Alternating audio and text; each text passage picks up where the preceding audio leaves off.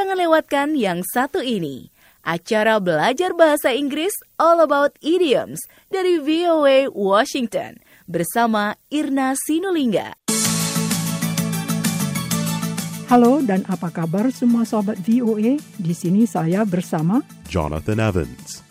Welcome, friends, to All About Idioms. Acara ini khusus membahas idiom bahasa Inggris yang umum dalam tulisan dan percakapan orang Amerika sehari-hari. Idiom adalah sekumpulan kata yang punya arti tersendiri, jadi tidak bisa diterjemahkan secara harfiah.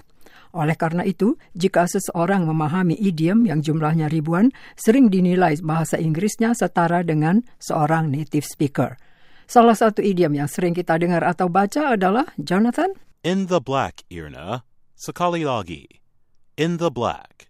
Artinya keadaan di mana pendapatan lebih besar dari pengeluaran, atau sukses dan berlaba, atau tidak tekor atau rugi.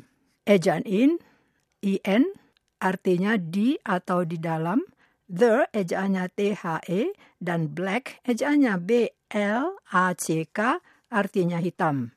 Kita simak contoh idiom in the black. For the first time in two years, the big department store in our town is running in the black.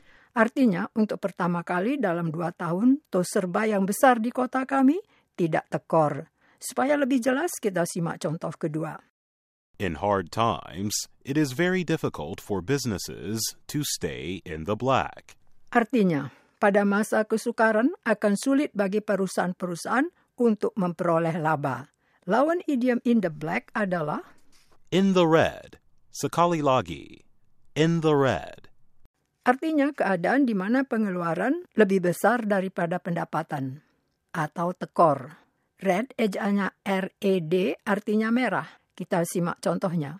Many financial institutions are in the red because of bad credit loans.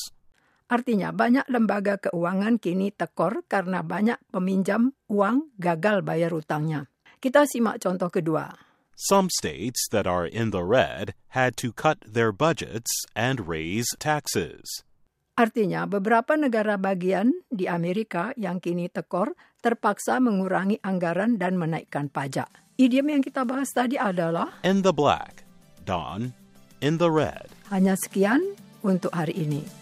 So long, and thanks for listening.